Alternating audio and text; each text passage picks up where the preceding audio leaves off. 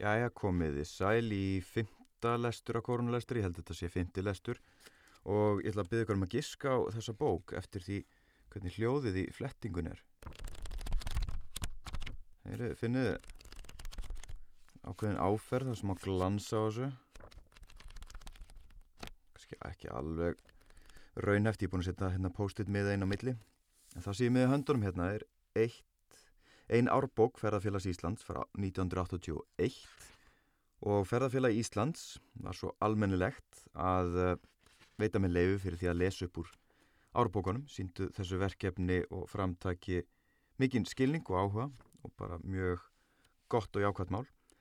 Þannig að uh, ég ánum stórn hlutasapsins af árbókunum og valdi hérna bara ekki af, ekki af handahófi, ég valdi ódáðarhraun árbókin frá 1981 vegna þess að í kynningu þáttarins þegar ég bjóð til svo kallan trailer þá nefndi ég svona þá setti ég einn spurningu sem getur verið mögulegt símtal til uh, eldri kynsluarnar, eldri ættingja sem var hvort að til dæmis af og amma hafiði tjaldað í herðubræðalindum og það er komið úr þessari árbók því að herðubræðalindir eru hluti af umfyllunefni þessar árbókar ótáðar hraun.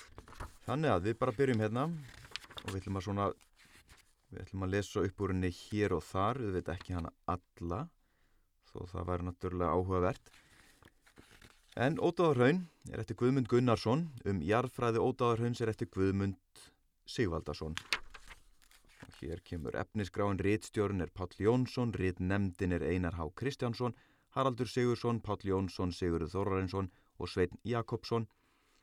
Og af þessari bók eru prentu 10.000 eintök prentað af Ísafóldar prentsmiðju HF.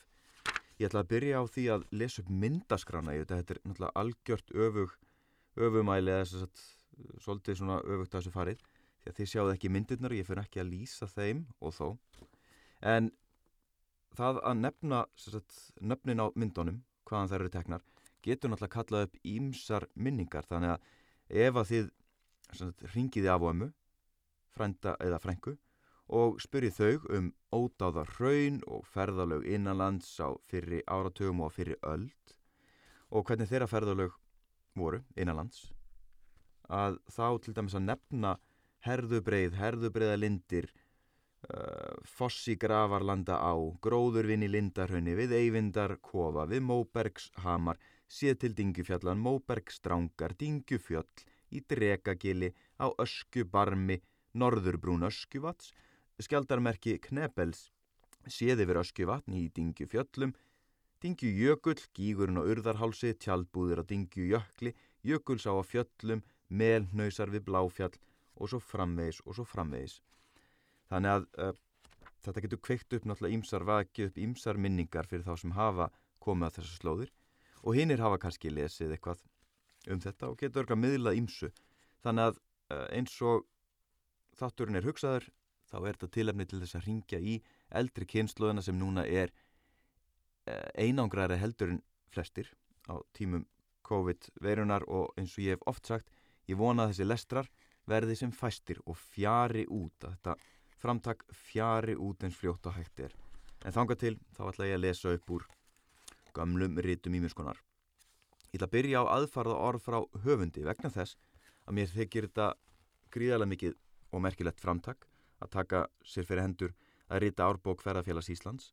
Og þetta er náttúrulega mikið lesnar bækur og hafa staðist tímans tönn þannig að fyrir hvern sem er sem hefur tekið þetta verkefna að sér hlýtur að hafa verið svolítið yfir þyrmandi ég geti rétt ímynda mér stort landsvæði, gera þessu já, fullnægindi skil og það hlýtur að hafa tekist á svona margar tilfinningar í hjá þeim sem að rituðu hverja árbók En hann segir, Guðmundur Gunnarsson rittar, Höstið 1975 var afræðuð millir mín og ritnemndar ferðarfélagsins að ég takja með ritum þessara bókar sem nú sér dagsins ljós. Upphaflega áallin mín var að undirbúningur konunnsvæðisins myndi taka þrjú sömur. Samkvæmt því hefði bókin átt að byrtast lesendum 1979. Atvik höguðu því þó þannig að tvö sömur bættust við þann áallega tíma. Því skildu lesendur ætlað, undirbúningur var í besta lægi og ódáðarhaun full kannað af höfundar hendi. Ekki er höfundur á sama máli. þykja honum ímsar gloppur í yfirferð sinni, en um það tjáir ekki að fást.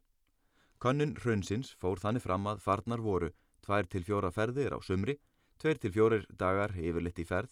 Sá háttur var áhafður að ég leitaði til nokkura ferðafélaga, uns komin var hópur í tvo jeppa. Ég, á að þessum orsökum, all stórum hópi fólks þakkir að gjalda fyrir samfildina. Nöfn verða ekki nefnd, meitni undantekningu þó. Sá maður sem ég hef hvað oftast leitað til og ætið brást vel við og átti traustan farkost til ferðana var aðalsteinn Valdimarsson deildastjóri. Hann lést snöglega, langt um aldur fram, snemsumars 1979 með honum kvarf af sjónarsviði mikill áhuga maður um örafa ferðir og braud riðjandi gönguferða í ferðafélagi Akureyrar. Þetta var helmingurinn af aðfara orði frá höfundi en við ættum að skella okkur beint í lesturinn. Vonandi hafið þið smá skilning og uh, umburlindi gagvart því að ég svona stekk inn í kabla hér og þar. Vonandi valdi ég uh, réttan stað þannig að það veitist að það er svona smá skilningur og, og verður fljótt ljóst um hvað svæðið er um að ræða en ég sér að byrja ekki alveg upp af kabla. Áður hefur verið drepið á hugmyndir manna um leið skálholts biskupa þvert yfir ódáða hraun. Gengir út frá því að austur endi þeirra leiðar hafi verið við ferju fjall og þar hafi leiðangurinn verið ferjaður yfir ána. Næstur áfangastadur, hvort heldur farið var austur eða komið að austan, hefur verið möðrudalur, enda var þar líka kirkja sem vísi til að þurfti. Ef til vill hefur síðast verið ferjað á ferjuhil sumarið 1933 þegar Pálmi Hannesson og félagar fóru yfir ána, svo sem hann lýsir í þættinum á brúar örafum í bóksinni frá óbyðum. Farkosturinn var bát kæna sem sett hafi verið þarna alþingisháttíðar sumari 1930. Öruglegar farkástur sá, orðin herfang eyðingarinnar og fleitir engum lengur yfir jökulsá. Þegar söður fyrir ferjufjall kemur, tekur við einn greiðfærasti kapli leiðarnar, slettir og fingerði melar, milli gravarlanda ár og jökulsár. Af vonum verður mörgum ökumanninum það á að láta gamin geisa. Það er þó sá hangur á að vass farvegur liggur að minnsta kosti á einum stað þvert á slóðina. Sest hann og gjörla fyrir en alveg er komið að honum og um seinan að draga verulegur ferðinni. Hafa bílar margir fengi ónótaleg högg af þessum sökum og farþegar skrokk skjóður. Réttum það bil sem bílar og menn jafnas eftir byltuna verður flugbröð fyrir þeim á melunum, auðkend með vindpoka og máluðum steinum. Likur slóðin á kapla inni á bröðinni. Á setni hluta þessar góðu leiðar sjáum við dökka raunbrún smátt og smátt byrtast framundan er þar norður jaðar linda hrauns, svo sem er nefnt kent við herðubreðar lindir. Leið okkar likur inn í hraunið þegar melónum sleppir. Það er hellur hraun en nokkuð óslétt, brotið og umbylt upp í rikki og garda. Verulegar vegabætur hafa verið gerðar í hrauninu, svo að telja má það nú sæmilega fært flestum bílum. Fyrst þegar akka þurfti um hraunið þótti það æði torsótt til aksturs, þurfti að brölda yfir bratta rikki og taka hinnar kröppustu beigur, var hella einn, norðarlega í rauninu, sérlega þekkt af þessum sökum. Akka varð upp á hana og taka svo krappa beigu að henni varð yfirleitt ekki náð nema bílar ækju aftur á bakk til að ná réttu horfi. Sveigrum var þó næsta lítið og dæmið þess að bílar færu út af hellunni með önnur hjólinn og sætu bjargar lausir á kviðnum á hellubrúninni. Með vegar bótum síðar meir var leiðin lögð fram hjá hellunni. Upphaflega var leið þessi fyrst ekin á bíl setni hluta september 1937, segir Ólafur Jónsson frá þeim leiðangri í þriðja bindi ódáða hrauns. Þá þurftu leiðangurs menn ekki að etja kjappi við hraunið. Leið þeirra lág alfarið á eirum austan við það.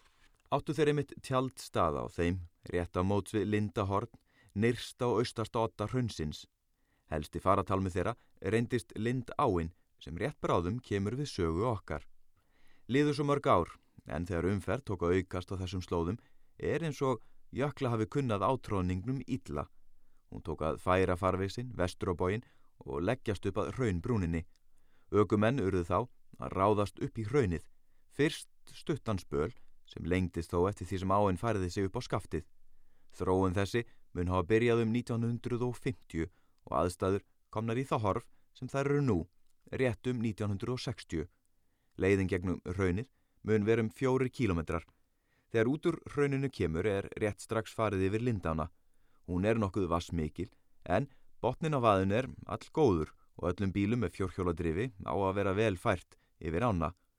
Fyrra árum var lindáin verulegur fara talmi sökum þess að hluti af vassmagni hennar komur jökuls á. Voru það efstu upptök hennar og breyttist vassmagnið að sjálfsöðu á sama hátu og jöklu. Bót var á þessu ráðin sumari 1957 þegar garður var hlaðin milli ána. Sumum kunnugum mönnum þótti tvísýnt hvort mannvirkið stæðist átök stórfljótsins. Reyndin var svo að garðurinn stóðst þau í átjan ár. Sumari 1975 kom í ljósað jökla að þau ruttónum í burtu. Fljótlega var úr því bætt og hefur sá garður staðið síðan. Þegar jökulvatninu er bækt frá er lindáinn tær bergvats á, engungu mynduð af uppsprettum í herðubreiða lindum og nákrenni. Síðustu kílometrarna likur leiðinum greiðfærar eirar milli ána. Ekki verður hort fram hjá því að foraðið jökla eigi ekki eftir að bryðja þar í sig og beina ströymi sínum í núverandi farveg lindárinnar. Fast uppi við raun brún. Verða þá engin nota veiranum framar til aksturs, en Sjálfsagt verður mönnum þá ekki skota skuld úr því að riðja leið söður raunið þann spöl sem eftir er í herðubriða lindir. En eins og nú hagar til eru eiradnar greið fari ökuleið síðasta spölin og aftur förum við yfir lindána áður en komið er í hlað hjá Þorsteins skála. Er hún á þeim stað stórum vassminni en norðar á eironum og engum bíl farar talmi. Þorsteins skáli sem nú rétt áður var nefndur er svo sem fjöldaferðamann er kunnugt sæluhús sem ferðarfélag Akureyrar reisti í herðubreiðalindum sömurinn 1958 og 1959. Það það lengi verið á stefnusgrá þess að reisa skála í lindunum og er meðal annars rætt þó nokkuð um þetta í fyrsta árgangi ferða blaðs félagsins 1940. En hvað býður síns tíma og þegar að framkandum varð var ötulasti forstuðumadur félagsins mörg fyrstu starfsár þess, Þorstein Þorsteinsson, fallin frá og þótti sjálfsagt að kenna skálan við hann. Skálin var formlega víður sömari 1960 og kom í engar góðar þarfir haustið 1961 þegar fjöldi fólks laði leiðsinn um lindarnar að skoða öskjugós, einmitt um þær mundir sem vetur gekk í gard og margir voru vanbúnir að mæta þeim aðstæðum sem þá ríktu á örafunum. Þetta er náttúrulega fullkomið uh, umræðefni, tilefni til símtals ringi af og ömmu frænda eða frængu og spurja hvort að þau hafi komið í herðubreiða lindir, hvernig tjaldferðir þeirra ef einhverjar voru um landið og einna helst þetta öskju gós og hvort að þau þekktu einhvern sem að helt áleiðis upp í öskju, að öskju, í öskju til að vera vitna gósinu og, og hvort að þau hefði hirt fréttir af fólki sem lendi í vandraðum. En hér er mynd af Þorstins skála í herðubreiða lindum brúnleitur skáli með gulu þaki, umkringdur grasi grónum slettum, grasi, já, umkringdur grasi grónum, ekki bölum. Svona er þetta þegar maður klipir ekki hlutina svona skilmerkilega, en það er fullt af kvönn þarna. Og svo er varða. Svo er neðri myndin á blaðsunu við Eyvindar kofa í herðubreðalindum og Eyvindur dvaldi þarna á fjöllum, fjalla Eyvindur þar að segja. Og svo er mynd frá Dingifjöllum, síðan frá Herðubreið og það er Vikraborgir við Öskju op. Og það er nokkur, nokkur fjöldi bíla. En ég ætla að fara næsta post-it miða sem ég er búin að hérna, líma inn í til að lesa og svo er ein vangaveld áðurinn að byrja að lesa. Það eru þetta þessar ferða, þessar árbækur. Það er náttúrulega ótrúlega merkileg eign, ég tala ekki um fyrir fólk sem er í leiðsögn. Þarna eru bara besti háskóla sem, sem þú getur komist í sem leiðsögumæður í fróðuleik fyrir það að upplifa hlutina sjálfur og svo líka þessi tilhugsun um eldri kynnslóðina þegar að verið var að skipilegja tjaldferðir og ferðalögum landið að það er svona einhver romantik í því á skamdegis skamdegis kvöldum að setja í myrkrinu og, og fletta og fara ítali gegnum eina árbók ferðarfélagsins til þess að skipilegja ferðalag sumarsins. Það er eitthvað sem er mjög romantíst allan að kannski af og að maður geti sagt ykkur eitthvað frá því þeirra upplifun af því. En hér eru að kona blæða 752 og við erum komin inn í ösku nú skulum við gera ráð fyrir að hefja göngu inn í ösku til þess að kynnast þessari stórbrotnu smíð jarð eldsins sem hefur sennilega öðlast mesta fræð íslenskra eldstöðva næstu eftir heklu nema vera kynnað Vestmannegar hefðu nú tekið sæti á milli þeirra.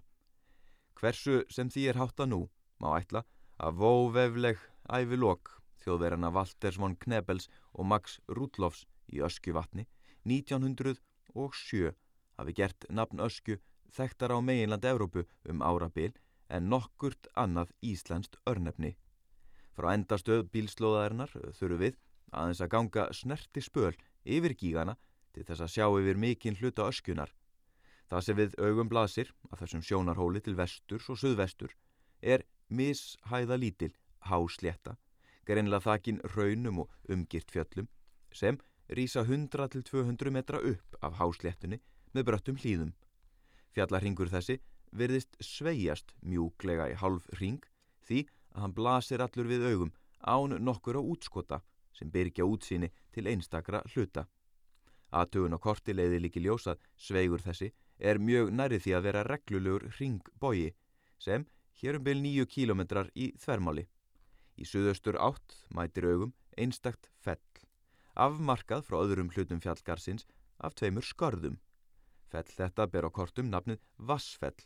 Rétt mynd nafnsins er reyndar Wattsfell eftir englendingnum tvöfalt vaff L. Watts sem vann sér það tvent til fræðar sumari 1875 að fara þert yfir vatnajökul fyrstur manna svo örugar heimildir séu til um og gera út leiðangur að aðtuga ummerki gossins í ösku þá um vorið. Varð hann fyrstur manna til að lýsa aðstæðum þar að loknum þeim hrikalegu atbyrðum sem á undan voru gengnir. Þessi breyting nafnsins á fellinu er tilkomin vegna þess að mönnum hefur ekki þótt hlýða að nota erlenda nafnliði í íslenskum örnöfnum Fleiri dæmi um þetta finnast einmitt á þessum slóðum. Skörðin sem afmarka Vassfell heita Trölladingju skarð að vestan en Söður skörð að austan. Handan Söður skarða sjáum við rísa snarbratta fjallslíð, miklum munhærri en áður nefndur fjallarhingur. Undir þeirri fjallslíð sjáum við í Vassflöt og liggjað honum þvernýftir bakkar, sínilega 20 metra á hæð. Nú setni árin þarf engin að vera í vafa um hvert stefna skuli frá vikra borgum til frekar skoðunar á öskju. Fætur þúsunda ferðamanna, innlendra og erlendra hafa markað glögga slóð með fram fjálslíðinni sunnan við öskju opið, en stefna hennar er nú orðin í hásuður. Næst gígunum er jörðin þakin svörtum vikri sem uppkom í gósinu 1961, en þegar fjær dregur er mest ábyrrandi í slóðinni ljósbrún leir. Þann lit ber einnig láreist og aflíðandi hæð sem við sjáum framöndan og virðist staðsetta bakka vatsins er áðan var getið um. Sé vindátt, suðlag eða vestlag skinnju við fnig í lofti sem greinlega sver sig í ættu brennistein. Eftir 20-30 mínúna göngu eru við komin upp á hæðina áður nefnda og þá getur þeim sem ekki þekkja til staðháta orðið á að stinga við fótum. Í miðri hæðinni Gín við okkur, gígurinn viti, sem lengi vel var álitinn hafa á nokkrum klukkustundum spúð þeim fyrrnum að vikri sem við höfum kynst á undanfarinni ferð okkar. Vikur breyðan náði eins og áður sagt til byggð á Östurlandi og þýtti ogn og eyðingu á Evra Jökuldal, en fingerðara dust barstum hafið þvert yfir til Skandinavíu eins og frektir orðið. Nýjustu rannsóknir virðast sína fram á að atbyrðarásinn í þessu afdrifaríka gósi hafi ekki öllu leiti verið á þennan veg en það víst með öllu útlokað að ekki starra gósop hafi getað skila frá sér slíku fyrrna efnismagni á svo skamum tíma sem ætlað var. Um þetta efni er nána rætti í jarðfræði kabla bókar þessar. Svo náttúrulega það að ferðast með einstakleiki sem að þekkir jarðfræði eða þekkir sagfræði eða þekkir svona hefur insinn í landslæði kring er einstakt. Ég er nú unni sér leðsögmaður og svona deili þeirri vittnusku sem að ég bý yfir með fólki og það er alltaf gaman þegar fólk er þakklátt og hefur áhuga. En örgulega magnaðasta insýn sem ég hef fengið í landslæði kringum mig var þegar ég tók viðtal við Harald Sigursson eldfjallafræðing á norðanverðu Snæfisnesi og hann tók mig með í svona daglegan könnunar leðangur, þetta var í kringum árið 2010 og skoðaði eldfjöll og fjöll og bara kannaði það sem að svona for, vakti forutni hans og þetta hefur verið minni mér allatíð síðan að fá svona ótrúlega insýn þar sem hann bara gætt sko bent á fjöll og líst tilur þeirra og gert hlutina nánast ljós lifandi að það er náttúrulega einstakt. Og það er auðvitað það sem að hægt er að gera með fróðleik lesa og fræðast og svo að heyra fólk segja frá en hér er ég komin uh, fram að Þorvalds fjalli ef ekki bara segja upp á Þorvalds fjall Þorvalds fjallið gengur fram í æðinri kamp eftir því sem vestar dregur. Norður hlýðin sem að öskju vatni snýr er næstum þver nýft og að sunnaverðu er brattin litlu minni.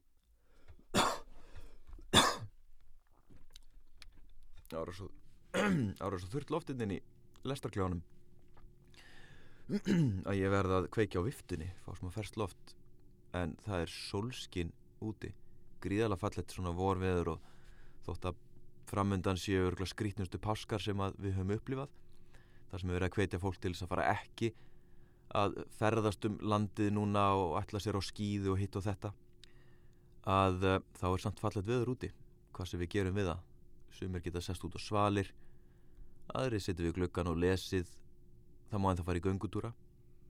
En auðvitað geti ekki annað gert heldur en að hvetja fólk til þess að fara varlega og að tilmælum yfirvalda.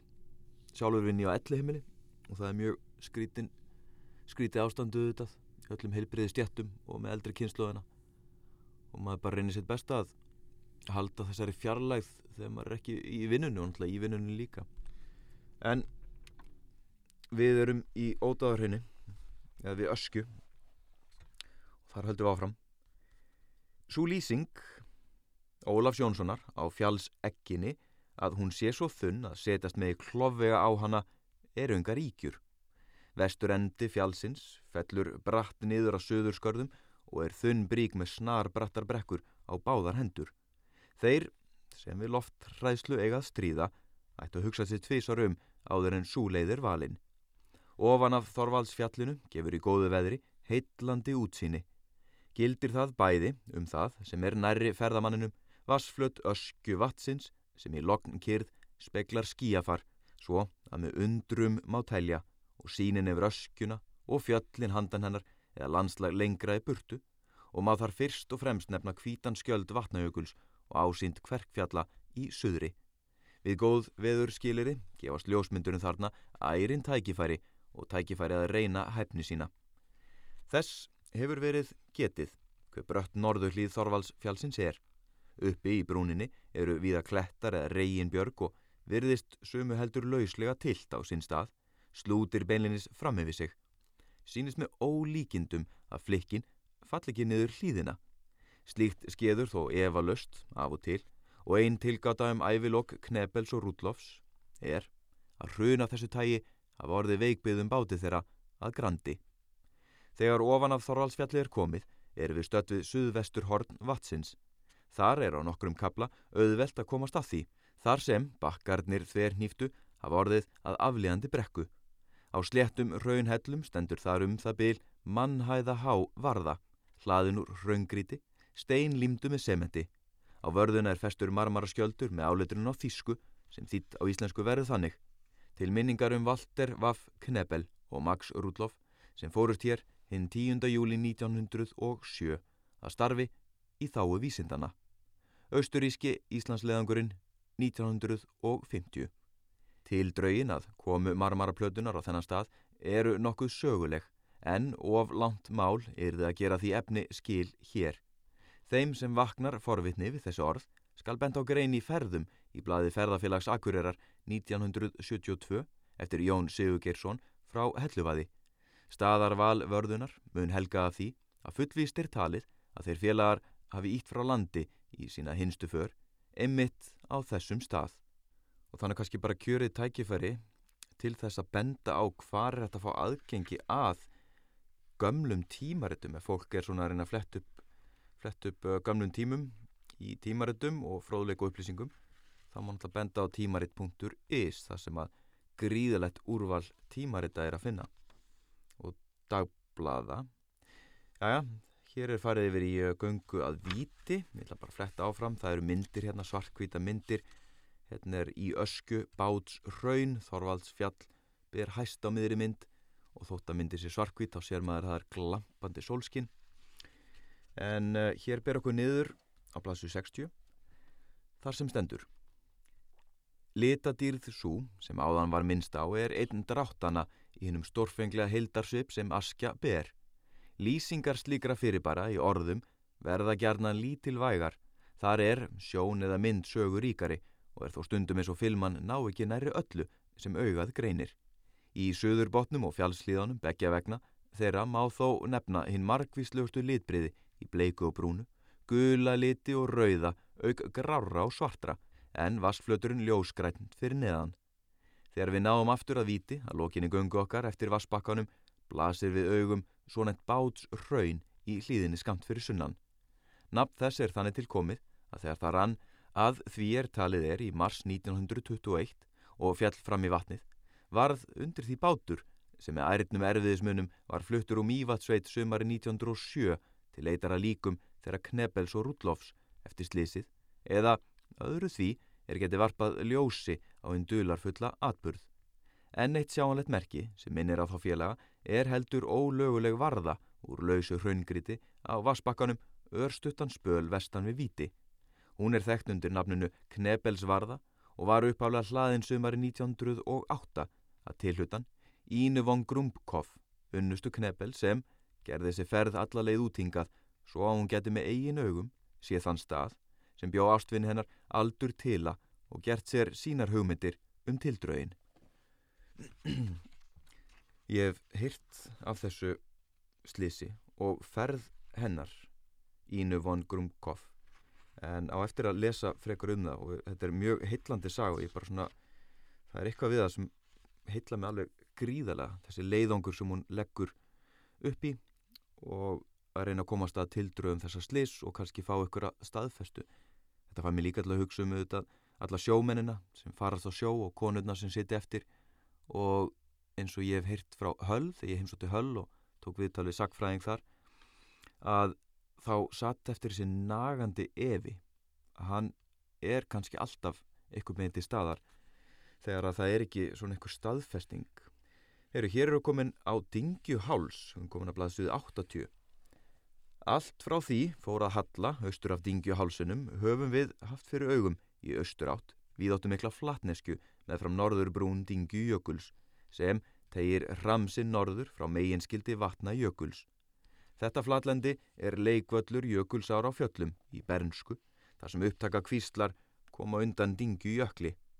Breytt þess við jökulröndina er rúmlega 20 kílometrar frá urðarhálsi að vestan og austur að kverk njúkum í kreppu tungu. Lengdin, sunna frá jökli og norður fyrir dingju vatn er svipuð. Yfirborð flatneskunar er næst jöklinum þakki fingjarðum leir og dusti sem svo breytist í dökkleitan sand þegar norðar dregur. Er þarna án efa einn ríkulegasta sandnama á landi hér en hættir við að seint komi til nýtingar hennar vegna fjarlæðar frá þeim svæðum þar sem mest eru nót fyrir sandin. Leir og sandur eru þó ekki ein ráðir á yfirborði svæðisins, hraun koma þar líka við sögu. Hólu hraun er allvæn hraunfláki sem tegir sér norður frá rand Dingujökuls 8-9 km austan við urðar háls. Það er talið komið bæði frá eldstöðum, söður við jökul og gígaröð norðan til í hrauninu sjálfu. Þar er það orðið svo sandorpið að greiðfært má kallast, en söður hlutin er úvin og ógreiðfær. Þorvaldur Tórótsen er fadir að nafnu þess, en landaleita menn 1880 hafðu gefið því nafnið Kvíslahraun. Ekki er líklegt að margi ferðamenn leggja leið sínum hólurhaun, nema þeir sem kynna hafa sérstakann áhuga á þessu upptakasvæði jökulsár eða norðurbrún dingju jökuls. Kemur þar líka til að bílaslóðin hefur nú rétt nýverið færst fjær rauninu eins og rétt bráðum mun sagt verða. Um, áðurni held áfram hér, hvort ég held áfram ekki, ég tek svona ákvarðanir af handahófi, en Hólurhauns gósiðu við þetta 2000 og var það ekki 11 eða 12 Hólurhraun var reynda 2014 góðurinn. Það er kannski yngri kynnslóðin sem getur sagt eldri kynnslóðinni frá upplifun sinni af því. Það er kannski fleiri af svona það sem við flokku núna sem yngri kynnslóðina. kannski þeir sem eru undir 50, 60 að það eru einstakleika sem kannski hafa farið á þessar slóðir og ég sjálfur hafi tækifæri til þess að fljúa þarna yfir í þyrlu meðan á góðsunu stóð var að vinna með ljósmyndara, erlendum ljósmyndara. Og það var alveg einstakt glada solskin pínlítið þyrla, þetta var flugmaður sem held ég hafi verið frá Luxemburg Nei, nú hættir þú þessari vittleysu eins og skott Þyrluflugmaðurinn var frá Lichtenstein og heitir Mattias Vogt. Já, en haldt hún áfram með lesturinn og reyndi að hafa þetta rétt híðan í frá. og hann hafi flóið þyrlunni þaðan til Ísland til að gera út á þetta gós og hann flög frá Möðurdal og þaðan flugum við honum sáum herðubreið og sáum hólurraun og þetta mikla flæmi rauna og sanda og jökla. En ég valdist því fæti þannig niður. Þetta var alveg einstök upplifun. Og eins og ég hef sagt í þessum lestrum að þetta er tilumni til þess að ringja í eldri kynnslóðuna, spjalla um efni lestursins eða bara eitthvað svona tengt þessu, skapa, skapa eitthvað umræðefni en eldri kynnslóðin, ef hún skildi vera að hlusta á þetta beint, komið sælublessuð ringi þið líka bara yngri kynnslóðina þið getið sagt um einhverja sögu eða sagt um að þið hafa verið að hlusta á hana lestur og þið hafi reyndar komið sjálf í herðu breyða lindir eða ösku eða eitthvað svo leiðis deila svolítið þessum ykkar upplifun og reynslu og fróðleik og jáfnveil kenna ungu kynsluðinni leksju bara til tjaldferðir eða ferðalög eða svona hitt og þetta þannig að þetta getur gengið í báðaráttir sjá nú til eh, ekki grípa hérna niður. Við erum búin að fletta hérna fram að blasju 97 hér eru myndir gígur í ketildingju og gömul rúst á ketildingju en ég fletti hérna inn á einn post-it miða, svona gulur límmiði og sjá nú til hvort að þetta sé vitrætt staður til að byrja að lesa það mun fljóðlega komið ljós hvað þetta er. Hér segir landið hækkar smám saman og gerist ósléttara stór þýfi og jafnvel djúpar grófir er áðinni held áfram afsakið. Fínt að byrja þarna sem ekkert er nefnt hvar við erum. Og þeir sem hafa ferðastuðum með þetta, svæði þeir kannski kveikja á þetta sem svo horfa útsvar. Landafræði útsvar. Landið hækkar smám saman og gerist ósléttara stór þýfi og jafnvel djúpar grófir verða á vegi okkar á þessu svæði er söður áinn dreifði kvíslar með grónum holmum á milli hún er orðin ströymharðari jafnvel flúðir eða smá fossar millir holmana Vegna hækkunar landsins sést ekki nema skaman spöl framöndan. Rétt áður en við komum á þann stað sem hæst ber á mólendinu sjáum við framöndan tvær tré brýr yfir kvíslar árinar. Hvar eru við stödd? Er einhverjan úti sem er að rópa upp núna hvar, hvar þetta er? Allan vonandi goðar minningar hjá einhverjum. Þau mannvirki sem voru gerð þarna fyrir um það byrj 20 árum til að auðvelda fjár rekstra yfir ána og geta sjálfsögðu einnig komið í goðar þarfir göngumönnum á ferðum þessa slóðir. Þegar útsinni opnast á ný til söðurs kemur í ljós dálítil slett grund á árbakkanum og á henni stendur fjár rétt úr timbri og báru í árni. Grundin heitir Stóra Flesja og réttin að nefna mývetningar aðhöld. Hún er notuð nætur langt, setni nóttina sem gangnamenn gista í svartárkoti til geimslu fjár sem komið er af siðsta hluta gangna svæðisins. Við sjáum hið næsta okkur að mestu gróið land en skamt handan við suður á rýs þó raun vekkur, jaðar fram brunans sem nána verður minnst á síðar. Landi sem við sjáum er svæði það sem einu nafni kallast Suður ár botnar. Er það einn stærsta og á marganhátt blómlegasta gróðurvin í útjöðrum ódáða rauns. Hefur hún upp á kosti að bjóða sem ekki er völ á víða annar staðar í hrauninu. Má þar til nefna gróna tjaldstaði, gnægð af góðu drikjarvatni og margvíslega tilbreytni í umhverfi sem fram er komin við samspil vats, hrauns og gróðulendis. En má telja þá lít skilgrinnanlegu tilfinningu, blöndu saknaðar og döluðar sem sumir, þar á meðal sá sem þetta rítar, verða vari við á þeim stöðum þar sem eru minjar um horna manna vist. Ekki er þó rétt að láta slíkar hugleðingar dvelja fyrir sér að sinni, heldur, halda áfram ferðinni og könnun á þessum aðteglisverða stað. Næstu kílometrarna sunnan við aðhöldin liggur leiðin um tiltölulega blómlegt graslendi. Sumstaðar Engum þar sem lægra er verða sléttir fletir. Á stökustad deiglendir framann af sömri og í vætu tíð. Frá einum slíkum fleti liggur slóð til norð-östurs. Upphafslóðarnar er um 2 km sunnan við aðhöldin og er hún leið til Mývats sveitar, vestan Sellanda fjalls að græna vatni og verður nánar líst síðar. Eftir um 2 km akstur í viðbót komum við að leitar manna kofa eða öllur heldur rústum hans. Veggir standa en þá en það gera halvuleiti rofið. Kofin er að nokkru leiti grafin inn í hæð og ber því lítið á honum nema báriáts plötur á þakinu skera sig úr frá umhverfunu. Skamt frá kofanum voru mannabein ofan jarðar um árabil en eru nú horfin. Hugsanlega hafa ferðamenn fluttu á brott með sér en ókunnugt er mér um afdrif þeirra. Engin mun heldur kunna segja frá ætt eða örlugum þeirra sem þarna löðust til hinstu kvílu. Rétt hjá kofanum er greinileg hústoft og all stór og eru uppi tvær kenningar um hana. Önnur, og svo hverstasleiri, er að rústinn sé eftir beitar hús frá svartarkoti en hinn álítur að þarna hafi fyrindinni staði hús tengt biskupa leiðinni yfir ódáða hraun. Og næstu blaðsíðu, 115 eða þar næstu blaðsíðu, er ljósmynd eftir Pál Jónsson af þessum beinum og það eru tvær hauskúpur og þetta er eins og úr ykkur, þetta er bara eins og kvikmynd. Tvær hauskúpur hlið við hlið vísi sömu átt algjörlega kvítar og reynsaðar af öllum af öllu holdi. Og í bakgrunni eru, eru klettar sem standa upp úr en það liggja svona svörtum sandi. Því lík, því lík sín og svo eru þetta líka beina holl held ég hann heiti það sem reynistæðabræður fórust. Þar voru bein bein sérstaklega af rollum. Þeir voru að flytja rollur frá Suðurlandi til Norðurlands því að það hefur verið fjárfellir sem, í þeirra sveit. Og þeir töfðust vegna rigning og slæms veður svo heldu að stað allt og synd á hausti. Og yngsti bróðurinn sem að var svona rétt um 12 ára gammal, 10-12 mann ekki alveg í augnablikinu að hann spáði því að þetta myndi fara það ítla þetta erði bara, erði hans enda lok móður hans tók þetta ekki mál sagði að hann þurfti að fara með bræðrónum og hjálpa til þeir fórust allir nema eitt sem fórst í blöndu þegar hann var leðinni tilbaka að reyna að sækja hjálp. Heri, það er einn post-it miði eftir hérna.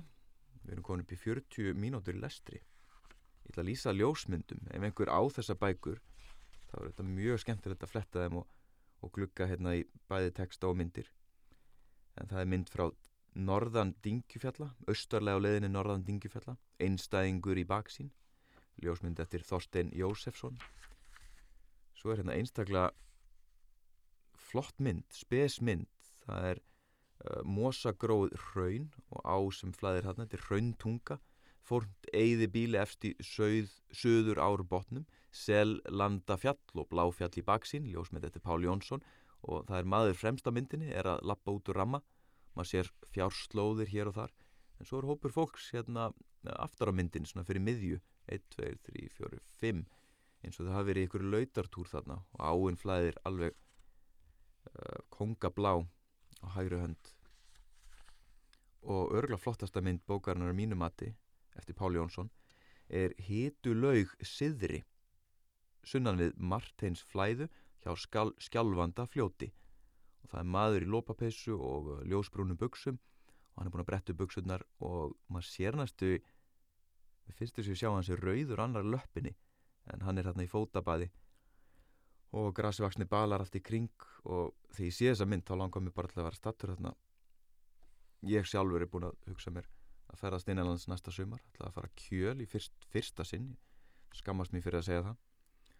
Komin hátt á ferstus langt, langt inn í ferstusaldurinn og ekki búin að fara kjöl. Og óska þess að vona ég geti farið með kærastu minni sem býr í London og er núna eins og allir lundun og búar bara innilókuð og maður óttast svolítið þetta, þetta, er, þetta ástand hefur áhrif á fólk á ólíkan hátt misalvarlega en það má alveg bara viðkenna það. Að einbyrtingamindin er svo þessu óvisa um hvað þetta varir lengi fyrir utan auðvitað bara áhyggjur af hilsu fólks að þá líka svona spurninga með hversu langan tíma þetta tekur og er þetta eitt mánuður, er þetta tveir mánuður og svo sumulöndum er er talað um lengri tíma þannig að auðvitað hefur þetta bara áhrif á alla á einhvern hátt. En við erum raunin að halda huga okkar frá því og uh, fylla inn í þessi skörð sem er núna er að skapast með því að lesa úr skemmtulegum bókum og hvetja til samtals við eldri kynsluðuna í síma. Uh, við skulum enda þetta hérna, við erum komið svolítið langt, þau sem eru ennþá með mér, 45 minnur síðar, ég bara segi hæ, halló og takk kærlega og vona að þið fylgjið þess eftir með því að ringja í eldri ætningja og ég veit að það getur verið svolítið skríti kannski að hafa sambandi fólk og spjallum eitthvað annað heldur en maður er vanur. Segjum svo að maður ringi í af og ömmu og maður er alltaf vanur að segja bara jájá hvað segið nú gott? og svona eitthvað almennt vola almennt spjall og gengur ekki allt vel og þetta getur verið svolítið svona hjá sumum svolítið svona formlegt og, og stíft og, en þetta er bara gott að heyri fólki. En af hverju ekki bara svona bregð út af þeirri venju og bara spurja bara beint út um efni tengt þessari bók spurja bara hafið þið komið herðubreðalindir lásuðið árbæku ferðarfélagsins ferðuðist innanlands, tjölduðið og svo framvegis og bara minningar og fólk kannski deilir einhverju. En á blasju 143 er eftirfærandi texti. Þegar við vorum stött á víð skigni og virtum fyrir okkur útsýnið sáum við fjarskaði suðri raun ströym sem tegði sig einstakur í norður átt frá raun geimnum um hverjus trölla dingju. Raunströmmur þessi virtist hverfa niður í lægð eða dal.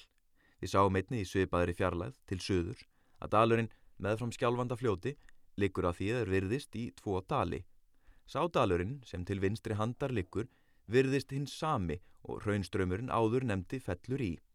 Eftir hérum bil 20 km axtur frá víðskegni skiptir snöglega um umhverfi. Þegar ekið hefur verið síðasta spölinn millir kottlóttra melhóla eru við allt í einu stödd við hraun jæðarinn en hann hefur af og til byrst augum okkar síðustu kílometrana. Meðfram hrauninu fellur dálitil á sem sprettir úr spori á hraun flúðum eða stórgrítum botni þar sem okkur ber að henni en tekur lífunu af mestu rósemi spölkort neðar þar sem hún um stund myndar tjarnir millir hraunsins og melana. Aðkoman að áni sem ber því sjálfsæðanapn hraun á er ekki að ölluleiti físileg í augum aukumanna. Krappir bakkar eru að henni báði megin, botnin auðsjáanlega ósléttur og stórgrítur og dýpi all mikið. Með hæfilegri aðgæslu gengur akstur þó slisa löst. Handan við ána eru enn mel öldur sem mynda vík vestur í raunnið. Að sunnan er í stálitill raunkampur sem lokar útsýni þá átt. Til norðus sjáum við við tjarninnar, fyrirnemdu, hvernig raunnið tegist til norðus og hverfur ofan hinn áður umrata dal. Til þeirrar áttar og til vesturs sérst að gróðurblettir eru innan um raunnið sem öðruleiti sínist frekar úvið. Við erum stött í laufrandar raunni. Laufröndin sem þetta er auður nafn af eru emitt gróður blettirnir sem við höfum komið auga á. Nafnið er óefa tilkomið vegna þess að loðvíðir er svo jurt sem mestan svip setur á gróðurinn. Rétt er þegar í stað að ekki aðtikla því að korta þessu svæði, blað 75 í mæli hvarða 1 á mótu 100.000 og blað 5, aðalkort, mið Ísland, virðast ekki með öllu nákvæm. Neðri botnar heita þar sem ökuleiðin kemur á hrauninu. Á kortonum er gróðurlendið sínt að ná svo kílometrum skiptir söður fyrir þá en ekki norður. Einni er sínt stöðuvatn inn í miðju hrauninu sunna við botnana. Aldrei hefi ég eða ferðarfélagi mínir komið auga á það vatn en raunáinn myndar áræðanlega tjarnir eða lón við raunröndina sunnan þeirra. Gróður lendi lauf randarnar virðist sínt á kortónum mun lengra en það er í raun og veru og þó engum til söðurs. Gróðurinn á laufröndin er fyrðu þroska mikill og blómlegur þegar haft er í hugað hæð landsins er um 740 metra yfir sjó. Tilvera gróðusins byggist fyrst og fremst á nægum raka sem kemur fram í stórum og smáum pollum sem standa í dældum en vassmiklir lækir falla á milli þeirra. Einnig hefur skjól sem myndast inni í hrauninu áraðanlega sitt að segja og í þriðja lagi kann einhver jarðhita vottur að leynast harna.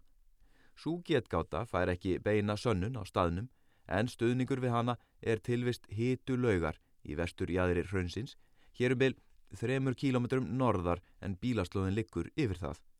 Ef ferðafólk staðinamist hér og hyggst eigða dagparti er gönguferðað lauginni einmitt kjörið verkefni. Þá fæst um leið bærileg hugmynd um einkenni hraunsins og nánasta umhverfi þess. Hítalaugun sjálf eru nokkrar uppsprettur í lægð við hraunjaðarinn, nokkuð eru þær misheitar, verða sennilega heitastar 40-50 gráður.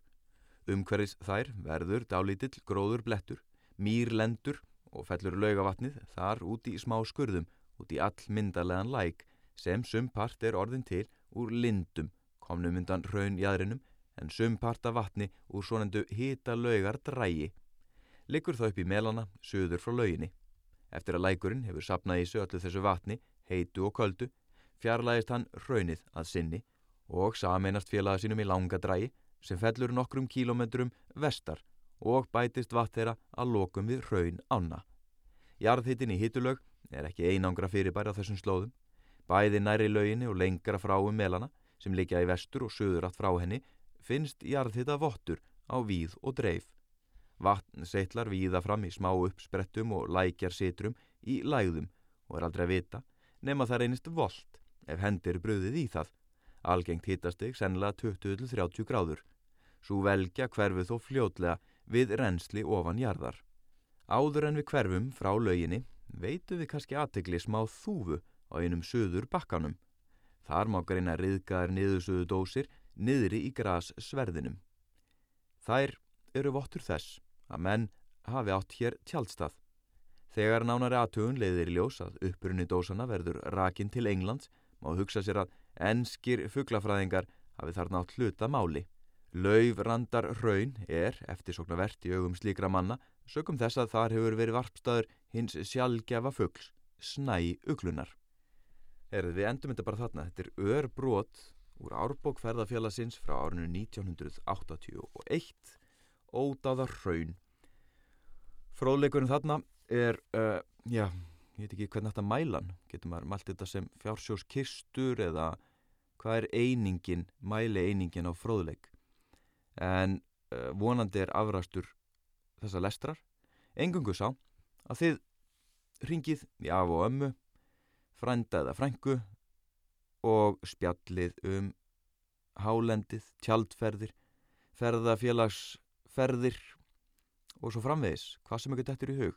Það er um nóa spjalla og sömari framundan skilst mann að sé gríðarlega mikið innanlands ferða sömar eftir áföllin sem að er að dinja á okkur núna en verða vonandi fljótt yfir staðin. En ég ætla ekki að hafa þetta lengra. Ég þakka fyrir hlustunna eða er einhver eftir sem er ennþá að hlusta þá bara, já, þá, þá veitiði mig mikla ánægu að ég klift út smá hérna, bút á undan allavega, ef einhver er ennþá að hlusta þá er ég bara mjög þakkláttur og vonandi hafið þið gagn og gaman af og vonandi ringið í eldri ættingja Ég heiti Svavar Jónandansson uh, hljóðbóka lesari hjá hljóðbókasafninu hlusta og sérilagi hjá Rappnustu þar sem að ég sinni ímsu störfum þar að meðal að lesa fyrir fólk en hér er ég að lesa fyrir ykkur meðan á COVID-19 stendur Kórunulestur, númer 5 úr árbók Ferðarfélags Íslands frá árun 1981. Ég þakka fyrir mig, hafið það gott farið vel að þó ykkur um hendur og veriðið sæl.